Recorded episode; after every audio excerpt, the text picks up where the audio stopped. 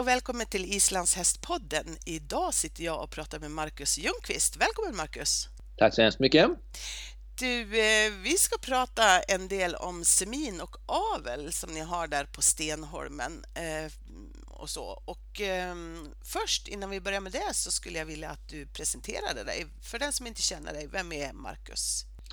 Eh, Marcus är en glad, enveten entreprenör som har eh, sysslat med detta sedan eh, mer eller mindre på heltid sedan 1991. Jag är eh, ridinstruktör, domare för sport och guidinga och eh, föreningsaktiv. Och sen så driver jag ihop med familjen Stenholmens islandshästcenter och eh, vad det gäller avelsbiten då som vi ska prata om idag så kan vi säga att vi har då haft hingsthållning sedan 1987. Okay. det är faktiskt 30-årsjubileum på det i år. Ja, just det. Kommer ni att fira? Nej, det tror jag inte. inte just det, men eh, Däremot kanske blir det lite extra nästa år när det är 30 år sedan de första fölen föddes. För de ah. föddes 88. Ja, just det. Mm. Men hur kom det sig att ni började med avel då? Ehm, det var väl så att ehm, det fanns ju hästar i familjen sedan tidigt 80-tal och när min pappa började bli intresserad så är han ju en sån person som alltid har ägnat sig åt uppfödning från eh, burfåglar till eh, kennel med strävårdstax till får och sen då när familjen blev intresserad av hästar så skulle han ju ha några ston. Mm. och det eh, införskaffades då eh, de första stona 1987 och sen blev det visst hingsthållning och sen blev det visst en hingst året efter och sen har det rullat på. Ja, just det. Vilka är det som ingår i familjen Ljungqvist? I familjen Ljungqvist ingår eh, jag och min hustru Emma och mina föräldrar eh, Lisen och John Ljungqvist. Det är vi som äger och driver Stenholmen tillsammans. Okej. Okay. Mm. Hur länge har ni haft seminstationen då? Eh, seminstationen blev ju en, en utveckling utav Eh, hingsthållningen. För som sagt de första åren där från sent 80-tal och hela 90-talet så eh, var vi ju hingstation och eh, dels hade vi egna hingstar men i huvudsak och, och, redan tidigt så började vi ta emot andras hingstar. Eh, för vi fick eh, ett gott rykte om att det blev mycket dräktigheter och, och ja, ordning och reda på saker och ting.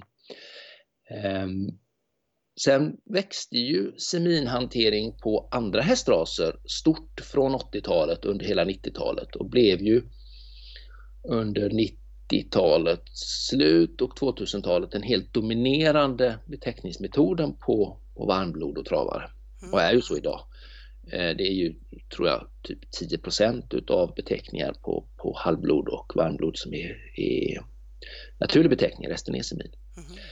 Eh, och det fanns mycket diskussion i eh, Islands hästkretsar på avelsseminarium och annat. Att, eh, och det gjordes försök på Island med seminhantering och sådär. Så det var mycket prat om att det kanske vore vettigt att pröva på våra hästar också. Det var liksom ämne för avelsseminarium vid ett par tillfällen.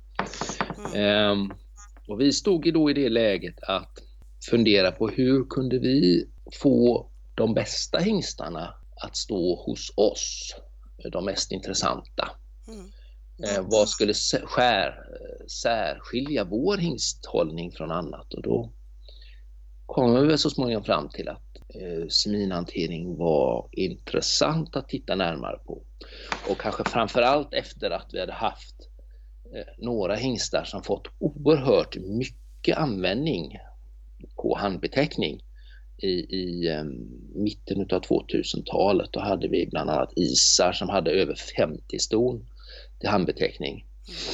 Och eh, det är ju ett oerhört stort jobb 50 betäckta ston. Det innebär kanske 300-400 språngtillfällen fördelat över ett antal sommarmånader. Mm. Och det är ju då, varje språngtillfälle är ju då en viss risk för hingsten, en viss risk för stona, en viss risk för människorna. Mm. Och då börjar vi fundera på, är detta verkligen det mest rationella sättet?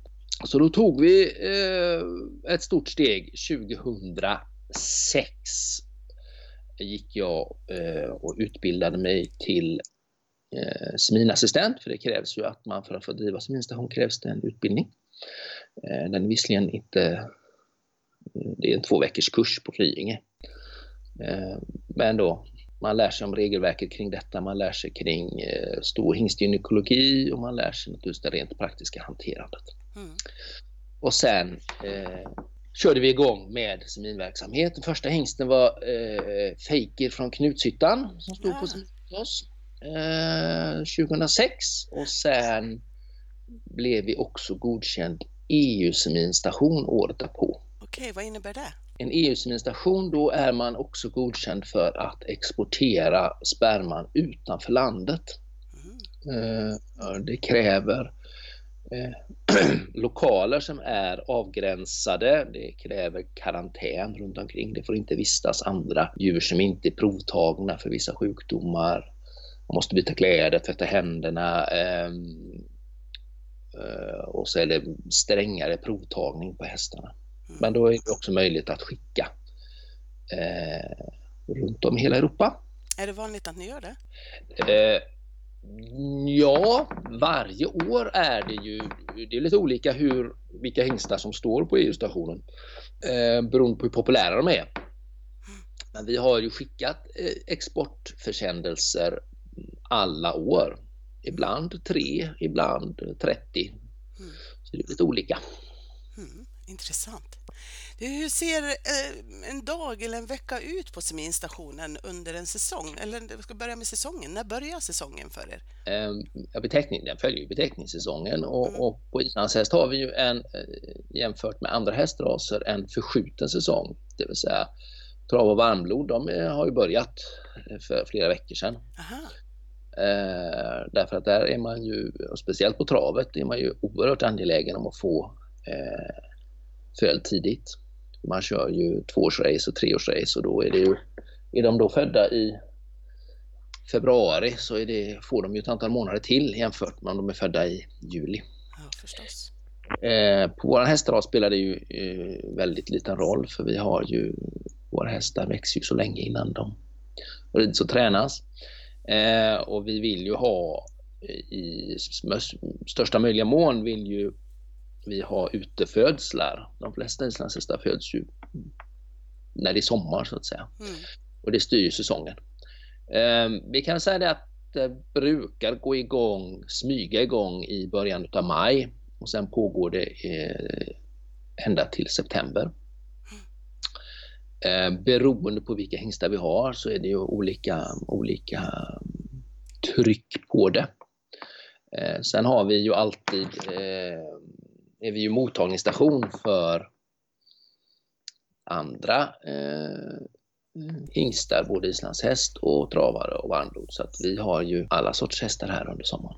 Ja, det är så. Det var också en sån fråga som jag tänkte på om ni, ni har semin för, för flera raser. Det är inte bara islandshästen. Ja, ja. Nej, nej, nej, nej. Rent, rent eh, gynekologiskt och hanteringsmässigt så skiljer det ju inte någonting. Nej. Om man seminerar ett varmblod eller om man seminerar ett, en ett kallblod som islandshästen är. Hur stor del är det som är andra raser än islandshästar som ni har på seminstationerna? Ja, vi brukar ha någonstans mellan, mellan 15 och 30. Eh, mest varmblod, lite ponnys, ridponnys och någon travare brukar det vara också. Men mm. Där. Det varierar det också. 15 och 30 stycken så att säga, eller? Ja, ja. ja mm. precis. Mm. Någonstans där. Mm. Och sen Islands eh, hingstarna är ju varierar ju antalet ston mellan kanske 40 till 200. Mm. Det är så stor väldigt, variation? Ja. Mm. Väldigt beroende på hur populära de är hur många de är. Så. Mm. Men hur ser en dag ut då för er? Är, hur många är ni som jobbar på seminstationen? Du kan ju inte vara själv tänker jag. Nej, det är ganska, eh, det är ganska personalintensivt i perioder. Eh, vi följer ju den gängse metodik som är på de flesta seminstationer. Eh, det vill säga att man har gynekologiska undersökningar måndag, onsdag och fredag morgon. Och då kommer det alltså veterinär som eh, med ultraljud undersöker stornas status i den gynekologiska cykeln och ehm, bestämmer. Det är alltid en veterinär på en seminstation som är den som styr flödet, som, som bestämmer vilka åtgärder som ska göras. Och det är reglerat. Jordbruksverket har väldigt strikta regler på hur arbetsgången ska vara så att säga. Så veterinär som bestämmer att det här stoet ska vi vänta med, det här stoet ska semineras, det här stoet eh, har gått ur brunst och är färdig. Eh, och det sker då på måndagarna, måndag, onsdag, fredag. Är ni en speciell veterinär, tänker jag, som, eller är det bara en veterinär så att säga, som, som jobbar mycket med det? Jag tänker att de är ju Nej, det krävs specifik utbildning. Alltså det, ja, det är så. Du, bara ha, eh, du måste ha gått en speciell kurs som veterinär mm. för att få lov att göra det. Och sen är det ju varje seminstation måste ha en akkrediterad knuten veterinär till sig som mm. är den är eh, veterinärmedicinskt ansvarig. Ja, just det. Så att eh, även eh, rent formellt så är det ju så att det är veterinären som är ansvarig. Även om jag seminerar och gör det på, så gör jag det på delegation från veterinären. Ja. Men eh, arbetsflödet är i alla fall den. Vi plockar in hästar, eh, veterinären eh, ultraljudar, vi journalför det som är väldigt viktigt. Eh, också väldigt tydligt uppstyrt. Eh, därefter samlar vi eh, sperma från hingstarna, eh, fördelar doser, eh, skickar i den mån vi har fått beställningar på det, eh, seminerar stona. Och eh, är det bra flöde i det så är vi ju kanske färdiga vid lunch. Om det inte är jättemycket ston. När det är högsäsong så kan vi ju vara att vi håller på nästan hela dagen med det innan vi är färdiga. Men, ja.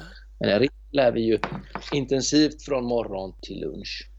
Hur går det till när man får eh, sperma från hingstarna? Vad gör ni? Eh, när man samlar? Ja, ja eh, att, att, samla hingst, det är ju, då har man ju en eh, bock eller en fantom. Det är alltså en galonklädd eh, rund cylinder av samma höjd som en häst ungefär. Och sen mm. så eh, har man i regel eh, stor med så att man tisar hingstarna, man hetsar upp dem så att de helt enkelt blir eh, sugna att hoppa. Mm.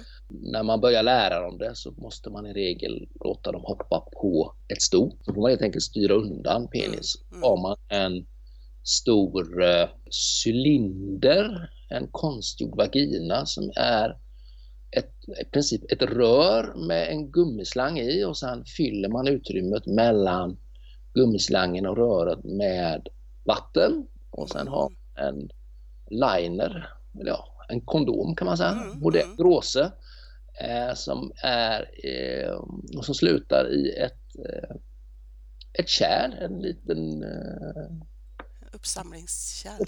Kärl helt enkelt ja. som sitter där. Och sen då när hingsten är tillräckligt upphetsad och hoppar då förhoppningsvis när han har lärt sig då på bocken så eh, trär man penis i den här vaginan och eh, får hästen då att ejakulera i den. Ja, just det. Eh, det är ju en inskolning naturligtvis som allt annat men, men i grund och botten så är det ju så att säga jobbar man ju med driften, det är mm. libido som, som hingstarna har. Mm. Och det kan ju vara väldigt olika. Vissa är svårflörtade och andra är, är, har oerhört lätt att lära sig detta. Ja, det är så att de är olika på det viset. Ja, ja olika mycket drive. Så är det. Det vet alla som har sysslat med hingstar att det är likadant att om man har en hingst med, med lite libido så kan det vara ett helsike när man håller på och handbetäcker att stona egentligen är redo men hingsten inte riktigt vill. Liksom. Inte riktigt intresserad. Nej, det var en av orsakerna egentligen till, till att vi började med, med seminhanteringen för att eh, alltså om en hingst betäcker riktigt mycket naturligt så finns det en stor risk att de tröttnar. Så att de, det, det är slitigt att hoppa. Mm. Slitigt att betäcka för en hingst. Om mm. den blir presenterad för riktigt många ston och, och eh, hoppar riktigt många gånger så finns det risker både för eh, bakknän och rygg och eh, utöver sparkskador och annat. Så mm. Men du, en sån här tömning då, hur, hur, mycket räcker, hur många ston räcker den till? Det är ju, är ju så att man, eh, när man då väl har fått hästen att ejakulera så tar man då eh, skyndsamt eh, den här flaskan med sperman till laboratoriet. Då är det jätteviktigt att det hålls lagom varmt Eh, sperma är känsligt för temperatur och för eh, starkt ljus så att man har en, har en termopåse kring den här för att det ska hålla sig då i 37 grader. Mm. Eh, och sen är det fort som attan in i ett värmeskåp som också håller 37 grader. Just för att, att inte riskera att, att de dör helt enkelt. Mm. Ehm, sen ehm, mäter man koncentrationen och då har man en speciell liten eh, spermometer. Det är egentligen samma typ utav, utav eh, dosa som man har när man mäter de flesta som har varit på en vårdcentral och tagit blodprov, där, där har man en liten eh, maskin som mäter hur mycket, mycket blodkroppar det är i, i, i blodet. Det är en ombyggd sån som mäter helt enkelt antal partiklar i eh, spermavätskan. Mm. Eh, och då får man fram hur mycket spermier det är per milliliter. Och det är en faslig massa. Ett, ett snitt är ungefär 150 miljoner spermier per milliliter. Wow. Eh, och ett ejakulat kan ju då vara mellan, eh, mellan 30 90 och 200 milliliter. Eh, så att eh, en islandshäst hingst ligger ofta någonstans mellan 5 och 7 miljarder eh, spermier per ejakulat. Oj! Men det vanligaste är 57. Och då finns det en sån branschstandard när man sysslar med semin att en dos som man seminerar ett sto med ska vara minst en halv miljard. Aha, okej. Okay. Eh, så att en normal dos eh, räcker då till mellan 10 till 14 ston. Det här hade varit på ett sto annars ju? Ja, så här är det att eh, testiklar producerar eh, i en jämn mängd hela tiden. Eh, och det gäller alla eh, människor och andra djur. och det är också orsaken till varför man på hingstar håller på och mäter storleken på testiklar och det finns eh, krav på att testiklarna ska vara jämnstora och inte vara för små och inte vara mjuka och så vidare. Det är helt enkelt för att eh, finns det problem med storleken så finns det också problem med produktionsförmågan. Okay. När man håller på med semin då samlar man ju i regel varannan dag och det betyder det att, att eh, den mängden som produceras eh, om man bara samlar varannan dag så får man ju så att säga en större mängd. En hingst som betäcker fritt, som betäcker kanske tio gånger per dygn, blir det ju mycket, mycket mindre doser. Då. Dos. Och det kan också vara så att hingsten faktiskt eh, betäcker och ejakulerar men det helt enkelt inte finns några spermier kvar. De är sådana som betäcker väldigt mycket. Så att det är inte Eh, nödvändigtvis så att, att bara för att hingsten har varit uppe och i stoet på en fribeteckning att det faktiskt eh, kommer några spermier. Eh, spermierna är ju inte hela ejakulatet, det finns ju en massa seminalplasma och andra, andra hjälpämnen som inte är spermier som kommer ut. Så att eh, det är en sån där myt som finns att bara, bara hingsten har betäckt så är allting lugnt. Va? Utan det kan vara, vara väldigt olika med det. Mm. Mm, intressant. Men du, om man jämför handbeteckning och fribeteckning och semin då, vad finns det för eh, fördelar och nackdelar? Eh, ja, det finns ju en mängd fördelar och nackdelar med de olika teknikerna eh, eller olika metoderna. Om vi börjar med fribeteckning så är det ju så att Eh, Eh, den kortaste vägen mellan eh, sto och hingst är ju naturligtvis en naturlig beteckning. Man har inte eh, några människor som lägger sig i, man har inte de felkällor som kan bli på vägen vid all hantering. Man har också den fördelen att, att hingstar i regel, det finns naturligtvis undantag, men i regel är oerhört duktiga på att eh, känna av när det är optimal betäckningstidpunkt, det vill säga vid ägglossning. Mm. Så att det finns det stora fördelar med det. Och, och eh, den, den, stora nackdelen med eh, fribetäckning är ju naturligtvis skaderisk. Du släpper ihop eh, två ganska stora djur som ska utöva eh, sin naturliga sexuella drift och då kan det ju som sagt gå fel. Och, eh, det förekommer ju att eh, ston stryker med på kuppen så att säga. Så att det, och hingstar får ben avsparkar och så vidare. Så att det, menar, det finns ju eh, risker. Handbeteckning är ju då människans sätt att, att lägga sig i det här, kan man ju säga, det här naturliga. Det vill säga att man, eh, man håller i stona, man sätter språngsele på dem, man har då hingsten att eh, förhoppningsvis eh, vara klok nog att eh, vara intresserad av att betäcka bara när det är läge. Jag är, ganska, eller jag är väldigt skeptisk till handbeteckning trots att jag har gjort det mycket genom åren. Jag tycker att det är, är lätt blir assisterad våldtäkt eh, utav det skälet att eh, hingstar som går bara och handbetäcker blir väldigt betingade på situationen, vilket gör att de hoppar även när de inte ska. Mm. Det finns undantag. Eh, och det är ganska stora risker för de människor som finns runt omkring. Eh, alltså, de, det måste vara någon som håller stoet, det måste vara någon som håller hingsten. Om man eh, är då och så att säga lägger sig i någonting där det är drifter som styr. Så jag är ganska oförtjust i handbeteckning som metod. Mm. Seminhanterandet är ju då eh, ytterligare ett steg mer mänskligt hanterande med de felkällor som där kan vara. Eh, fördröjningen av tid från det att hingsten ejakulerat tills det verkligen är seminerat. Att det är eh, människan, eh, det vill säga veterinären i det fallet, som ska bestämma det är dags, det är inte hingsten som gör det. Det är felkällorna. Fördelen är ju då att man har oerhört mycket mera kontroll på vad det är som sker. Man eh, följer stornas brunst, man eh, följer eh, spermakvaliteten eh, och man har ju då en betydligt mindre risk för skador. Och sen är det också så att en hingst får helt enkelt en ökad kapacitet.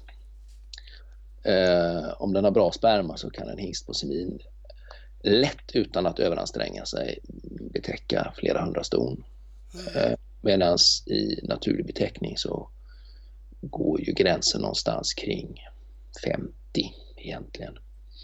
Och en, eh, de studier som är gjorda på det, på det som är verkligt naturligt beteende, det vill säga eh, mustanger och, och andra vilt levande grupperingar, då har ju varje hingst inte mer än 5-6 ston. Så att det här med att man säger att det är naturlig fribeteckning om man släpper in en hingst till 25 ston, det är inte så där himla naturligt egentligen. Okay. Du, då, vad har man för, för statistik på dräktighet? Finns det något sånt beroende på handbeteckning eller fribeteckning eller semin? Nu är kemin på islandshäst en väldigt liten eh, del så att det är ju eh, här och på några få stationer till som, som eh, och är ju en väldigt liten del utav det totala antalet betäckta ston. Men eh, vi har väldigt goda resultat. Vi ligger snittmässigt en bra bit över genomsnittet på, på rasen. Så att, eh, I fjol hade vi 84% dräktighet på de tre hingstar som gick på semin här. Mm.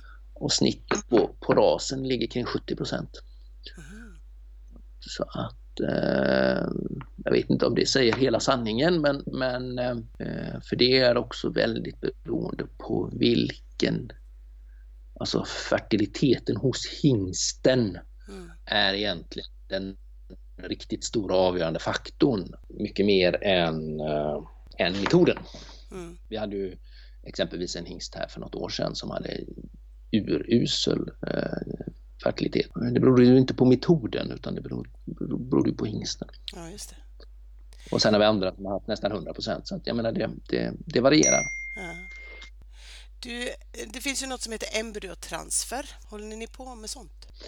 Eh, nej, och, eh, och, det enkla skälet till det är att eh, det kräver, eh, för det första är det tillståndspliktigt, det är bara några, några veterinärer som får lov att utföra det. Det kräver ytterligare kompetens. Mm. Eh, så det är inte, eh, och den veterinär som, som vi har haft eh, på stationen har inte varit intresserad av det. Eh, det är ganska kostsamt för det handlar om att du måste med hormonpreparat eh, påverka stona som ska vara mottagare så att de är i synk med det stoet som ska vara donator. Kan du berätta lite grann vad det är, embryotransfer? Ja, i princip kan man säga det att man eh, seminerar donatorstot som vanligt. Eh, och när man väl har ett befruktat embryo i livmodern på donatorstoet så sköljer man ut embryot eh, och seminerar, eh, seminerar med ett embryo kan man säga. Mm, så man, man, flyttar eh, embryot från det dräktiga stot till ett annat sto?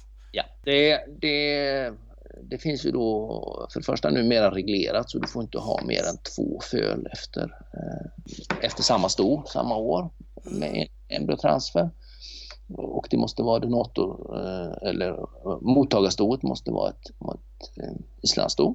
Om det nu är en islandshäst vi pratar om. Ja just det, så du, kan, ja, du får inte ta, ta en annan ras. Så att säga. Eller som, som har gjort, det har gjorts tidigare. Det finns ju ett, ett antal eh, Eh, Eh, vi har ju så varit eh, delvis delaktiga i det då vi har skickat sperma till ehm, eh, en seminstation som sysslar med embryotransfer. Eh, det finns ju en eh, veterinärdoktor, Kerstin Darenius, som är Grand Old Lady inom seminhantering i Sverige som är oerhört duktig på detta och är den som en av få som sysslar med det i Sverige som vi samarbetar en del med. Så att vi har ju, det finns ju eh, embryotransferföl födda efter hingstar som stått hos oss. Mm. Men vi har inte själv sysslat med det. På Island har man gjort det i lite större omfattning. Eh, Danmark har gjort vissa försök. Varför eh, gör man det då? Är det för att man vill ha ut flera föl av ett väldigt bra sto? Eh, det kan vara ett skäl. Det andra kan vara att man vill eh, fortsätta rida, visa och träna stoet. Mm. Så att man inte tappar en en dräktighetssäsong så att säga. Eh, eh, det kan vara att eh, stoet har svårigheter att bära fram. Det kan ju exempelvis vara så att man har en skada på eh, livmoderhalsen på cervix på stoet som gör att hon kan bli dräktig men hon kan inte bära ett föl hela vägen. förekommer sådana. Inte helt ovanliga skador. Men, men eh, framförallt så är det ju det är relativt krångligt och det är relativt dyrt. Du måste ha eh, ett par stycken eh, donatorston som kan vara då synkade. Man måste helt enkelt styra deras brunster så att de ligger precis i samma rytm som, som donatorstot. Mm. Vi har inte känt att det är det viktiga för oss att hålla på med. Nej. Ni gör ju både semin och är det handbeteckning eller fribeteckning ni jobbar med? Ja, det, de hingstar som, som står på semin, de får ju bara stå på semin. Eh, men däremot så har vi ju även hingstar på fribeteckning som då inte står på semin. Okej, okay, eh, så de kan inte göra både och så att säga? Eh, nej, inte samtidigt. Det beror på att eh, för att en hingst ska få lov att stå på semin så måste den provtas för eh, den bakteriologiska SEM-infektionen och för en virusinfektion som heter EVA så att de är fria från det. Och eh, får de då eh, inte eh, betäcka naturligt efter att proverna är tagna. Annars kan man ju som sagt, de är ju sexuellt överförbara så betäcker de ett stort så kan de ju eh, få det. Och orsaken till att det är det, det är ju helt enkelt att man när man började med semin i USA på tidigt 80-tal så hade man ingen koll på detta och så fick man ett semutbrott. Semi alltså en väldigt otäck livmoderinflammation, bakteriologisk livmoderinflammation. Hästarna blir, kan bli jättesjuka, mm. till och med dö. Och man fick ett totalepidemi i USA där man helt enkelt man skickade infekterad sperma runt om till en massa delstater och det blev en massa sjuka hästar. Då mm. insåg man ju att eh, lika väl som man kan eh, förflytta det biologiska materialet eh, spermier för befruktning så kan man även förflytta smitta. Mm. Så därför är det ganska strängt reglerat. Ja, just det. Och därför får man inte göra bägge delarna samtidigt. Nej, precis. Men, däremot kan jag ha en på semin eh, första halvan av sommaren och sen gå till fribeteckning efteråt till exempel. Okej, okay. är det vanligt att man gör så eller? Ja, det är inte helt ovanligt. Ja. Men eh, sätter man en begränsning på då hur många eh, ston en hingst tar under säsong under fribeteckningen? Eller är det olika från hingst till hingst? Eller hur, hur fungerar sånt? Ja, på de hingstar som är väldigt populära på Island i fribeteckning, där har man ju i regel begränsningar per grupp som man släpper in. Mm. I Sverige har vi ju inte den marknaden att det egentligen är någon hingst som blir fullbokad. Ja, slår man ut alla godkända hingstar på antalet betäckta ston så får de väl två var. Så att eh, vi har ju inte, vi har ett överskott av hingstar i relation till antal betäckta ston. Mm. Men det är ju vissa som är mera populära då, tänker jag, än ja. andra. Mm. Ja, men än så länge har vi inte de, de uh, hingstar som har fått mest användning de sista åren har, har stått hos oss och, uh, och på semin då. Där är ju i regel inte antalet ett problem. Där kan man ju i princip om bara hingsten är fertil och har bra sperma kan man ju nästintill ta hur många som helst. Mm. Behöver man boka plats för sitt sto? Hos er? Ja, det, jag motsäger mig själv. Det är klart man måste boka plats. jag tänker det. ja.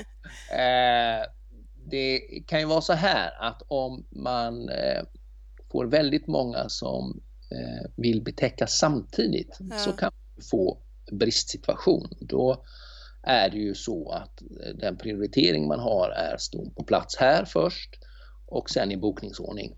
Så det har ju vid några få tillfällen varit så att vi inte har kunnat leverera.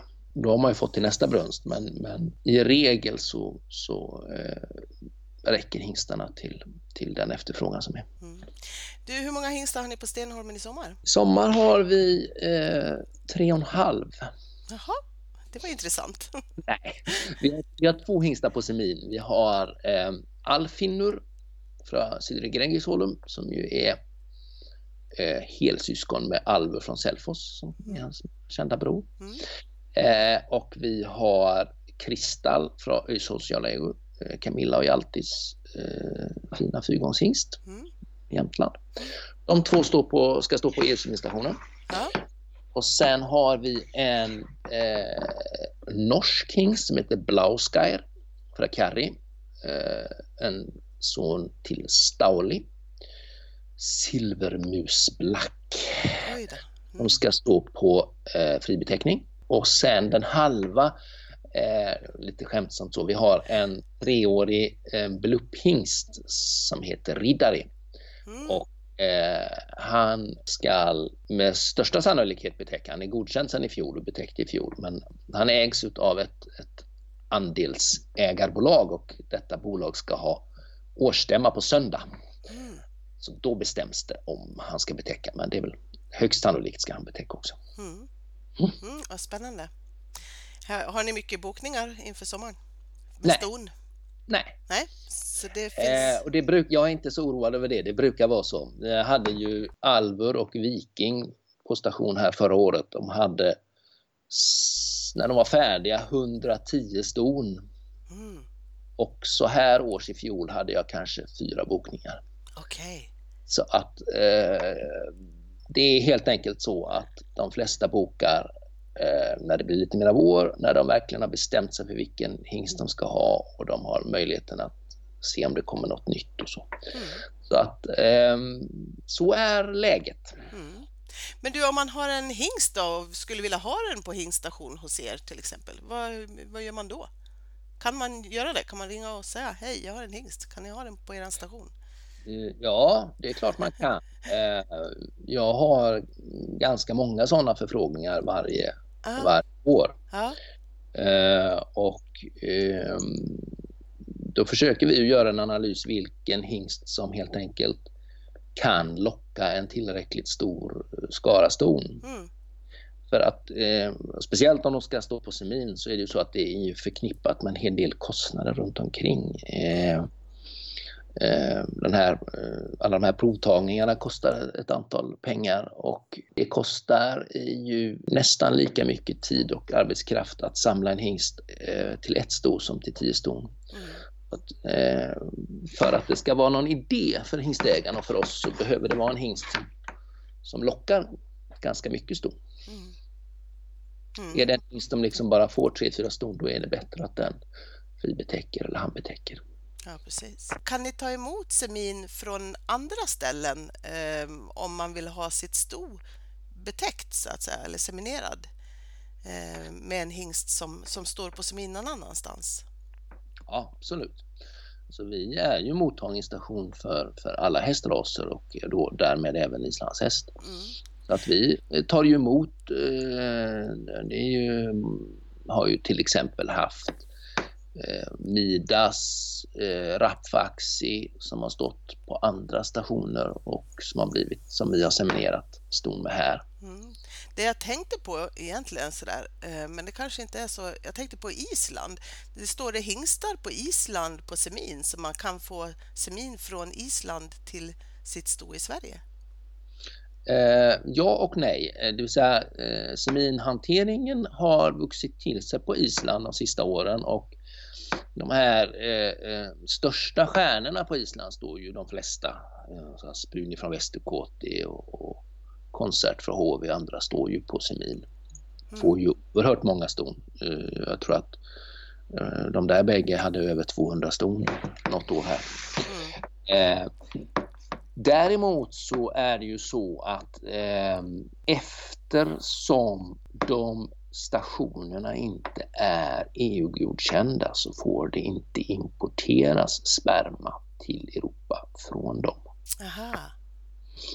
Eh, det finns inte något formellt hinder för islänningar att exportera men det måste i så fall till ett undantag för att få importera. Jag har undersökt det nämligen. Ja, jag förstår det.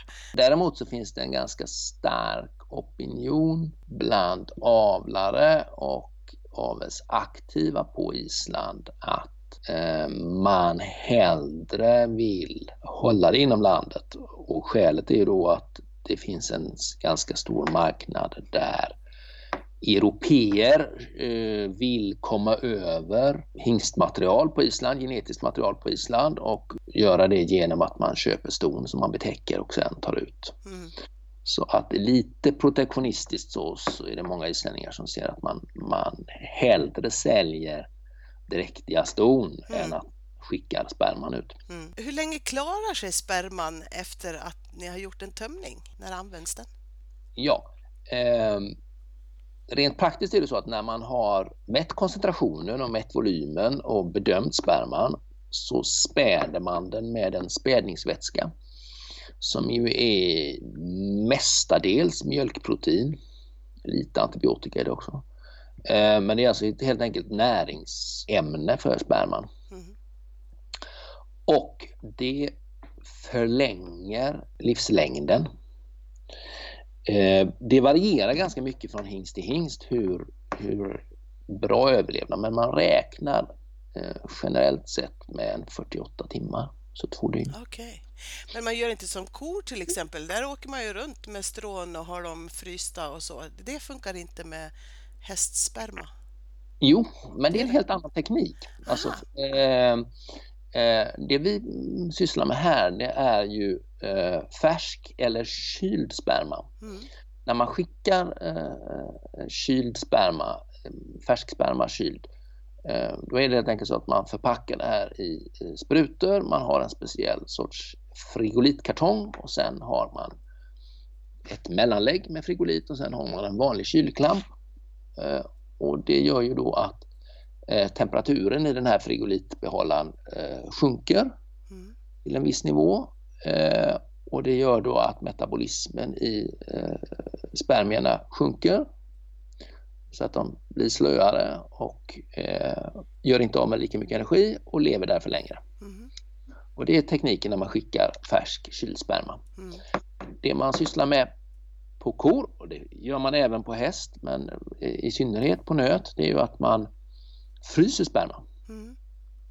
Och det är en helt annan process, eh, det vill säga eh, det är väl relativt lika fram tills dess att man späder, men man späder med andra medel. Mm. Och eh, sen själva frysprocessen är oerhört avancerad. Det krävs eh, väldig precision i nedkylningen och, och eh, en sån kylanläggning kostar i runda slängar eh, mellan en och två miljoner kronor. Och när det väl sen är fryst så, så eh, förvarar man ju det då i flytande kväve, alltså minus 170 grader.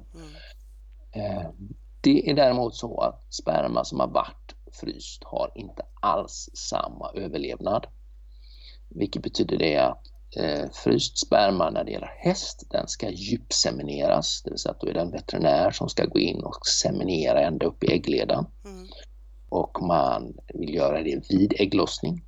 Vilket betyder att om man ska syssla med fryssperma så ska man eh, titta på stona kanske fyra, fem gånger per dygn.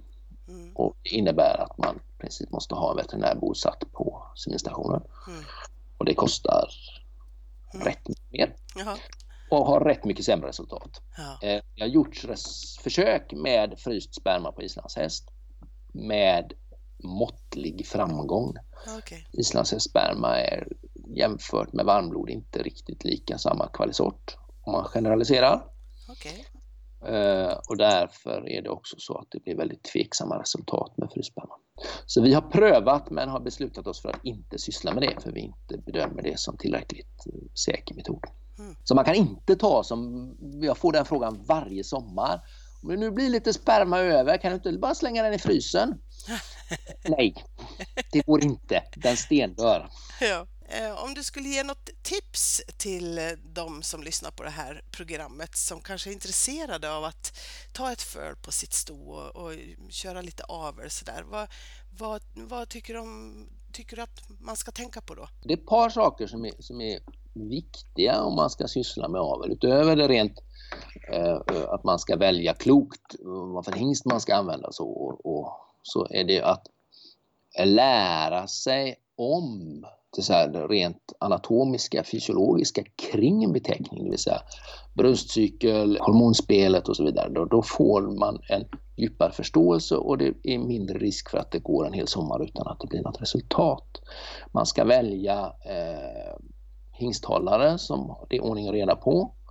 Det är ju certifiering både på, hingst, eh, på hingsthållare på gång från SIF Avel, vilket jag tycker är jättebra. Mm. Eh, man ska prata med andra som sysslar med avel och, och, lära sig om fertilitet, lära sig om vilka hingstar som lämnar bra avkommor men också vilka som är lätta att ge mycket dräktigheter för att att eh, icke, alltså, ston med dålig fertilitet eller hingstar med dålig fertilitet det är väldigt dyrt för alla inblandade. Mm.